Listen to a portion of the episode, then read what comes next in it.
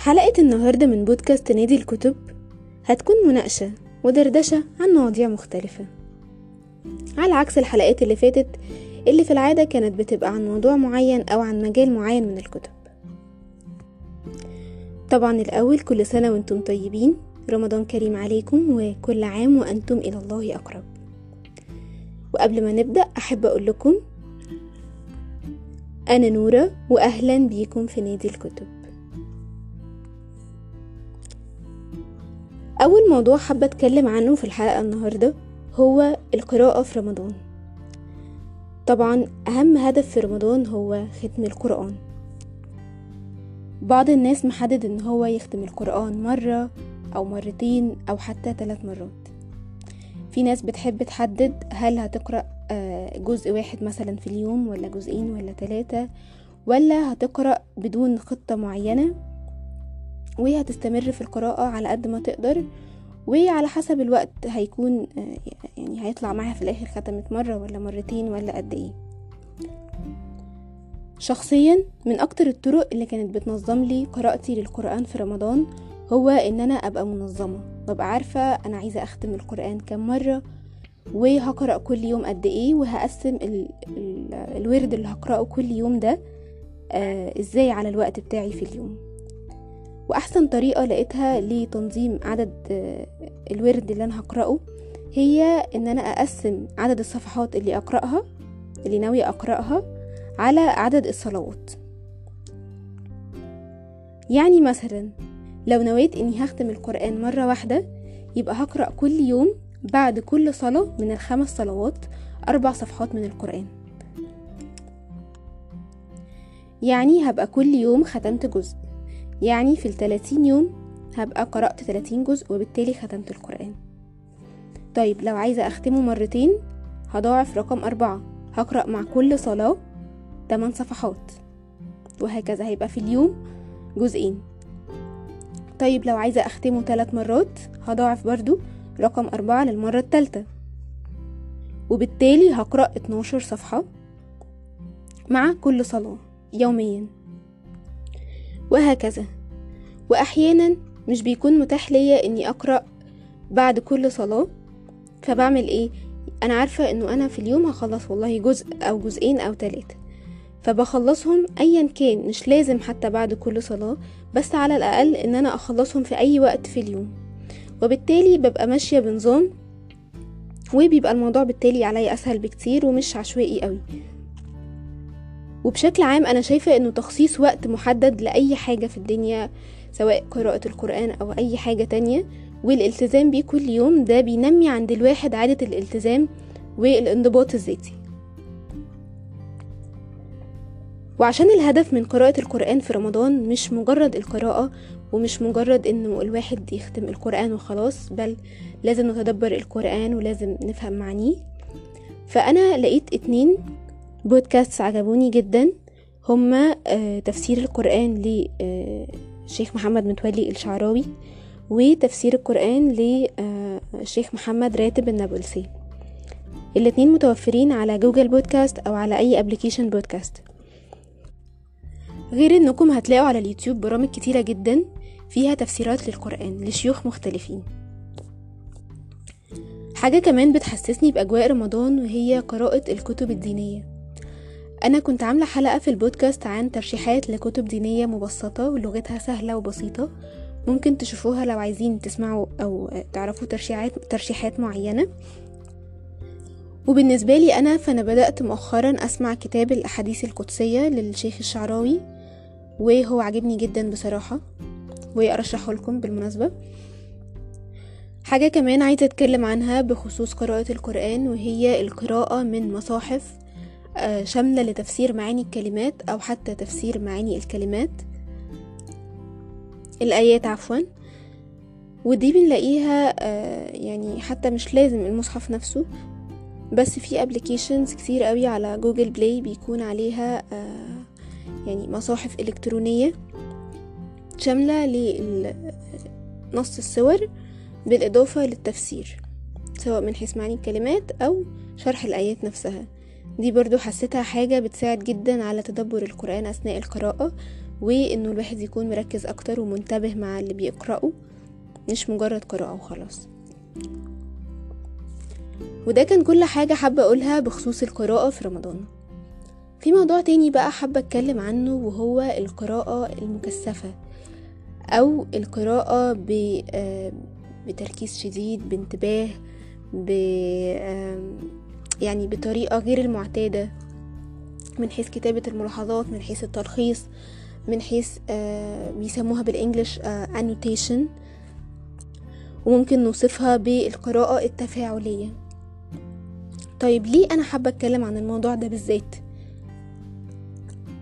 لأنه مؤخرا كان مطلوب مني في دراستي أني أعمل عرض نقدي لكتاب فلسفي. فبالتالي كنت مطالبة إن أنا أفهم الأفكار كويس قوي قوي وإن أنا أبقى يعني عندي القدرة إن أنا أناقش أي حاجة في الكتاب وإن أنا أنقد أي حاجة فيه أو يعني مش مجرد إن أنا أنقل مفاهيم من الكتاب وخلاص. فكان لازم أبذل مجهود في القراءة أكتر من المعتاد.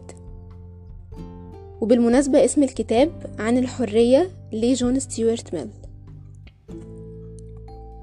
قبل ما أبدأ في قراءة الكتاب قعدت أشوف فيديوهات على النت بالإنجلش كده عن إزاي أعمل انوتيشن لكتاب أو إزاي أقرأ قراءة تفاعلية لكتاب فلسفي زي ده. والحقيقة ده فادني كتير جدا جدا جدا في تلخيص الكتاب وفي فهمه عامة وأعتقد إنه القراءة المكثفة دي خلتني أفهم حاجات في الكتاب ما اعتقدش اني كنت هفهمها لو قرأته قراءة سطحية. وكمان القراءة بالطريقة دي بتخلي الذاكرة أقوى بتخلي المعلومات اللي في الكتاب تثبت في الذاكرة أكتر من مجرد إن الواحد يعدي على المعلومة بسرعة أو يقرأها قراءة سطحية.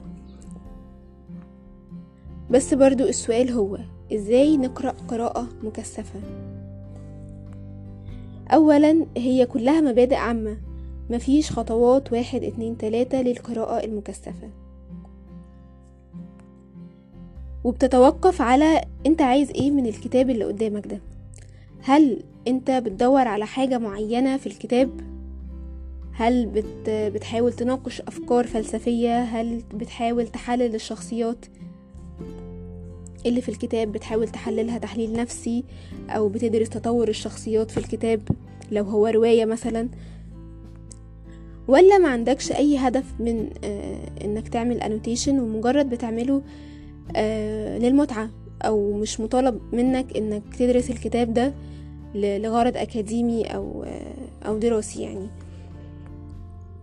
أنا عن نفسي مثلا بما إني كنت بقرأ كتاب فلسفي فكنت مثلا بكتب ملاحظات عن الأفكار اللي متعلقه ببعض يعني لو في فكرتين متعلقين ببعض بكتب كده جنب السطر ده إنه متعلق بفكرة تانية اتكلم عنها الكاتب في جزء معين.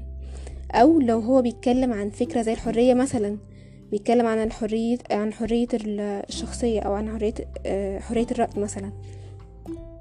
فلو لقيت كام سطر كده بيعبر عن جوهر حرية الرأي وبيلخص يعني كلام هو كتبه في كذا صفحة. ففي الحالة دي بعمله بال highlighter أو بكتب sticky note وهكذا. بعد كل فصل مثلا بحاول أكتب ملخص للفصل. بيوضح أهم النقط اللي وردت في الفصل.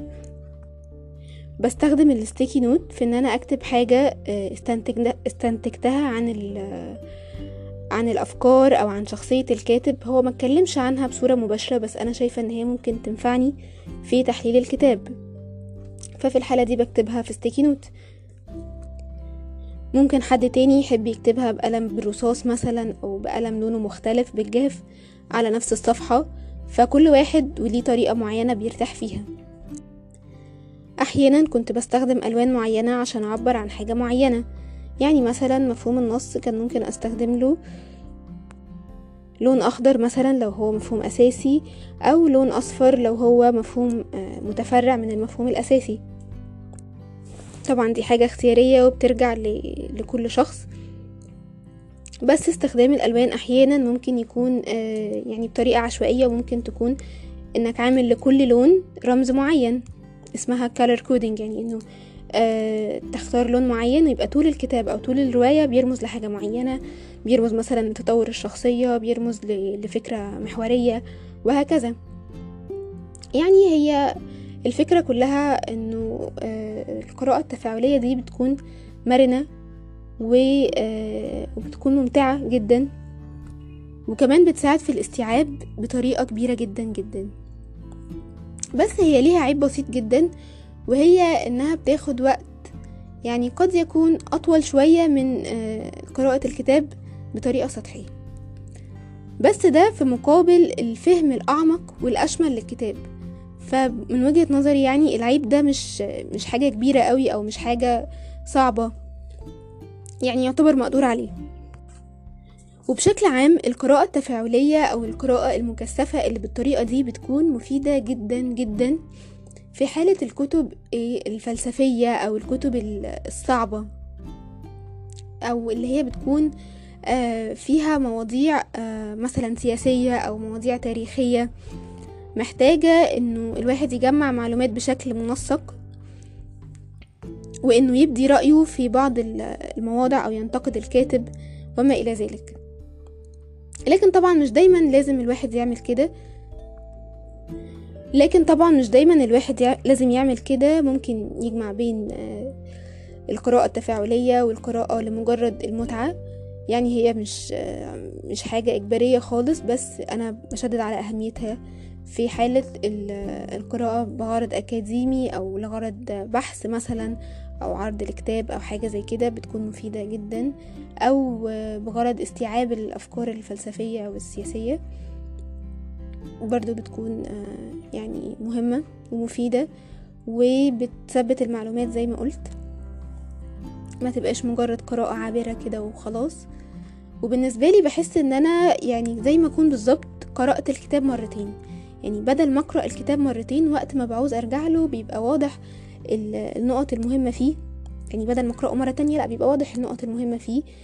آه بيبقى واضح إيه الحاجات اللي أنا آه عاوزة اقتبسها بيبقى واضح آه الأفكار اللي فيها تناقض كل ده بيبقى واضح.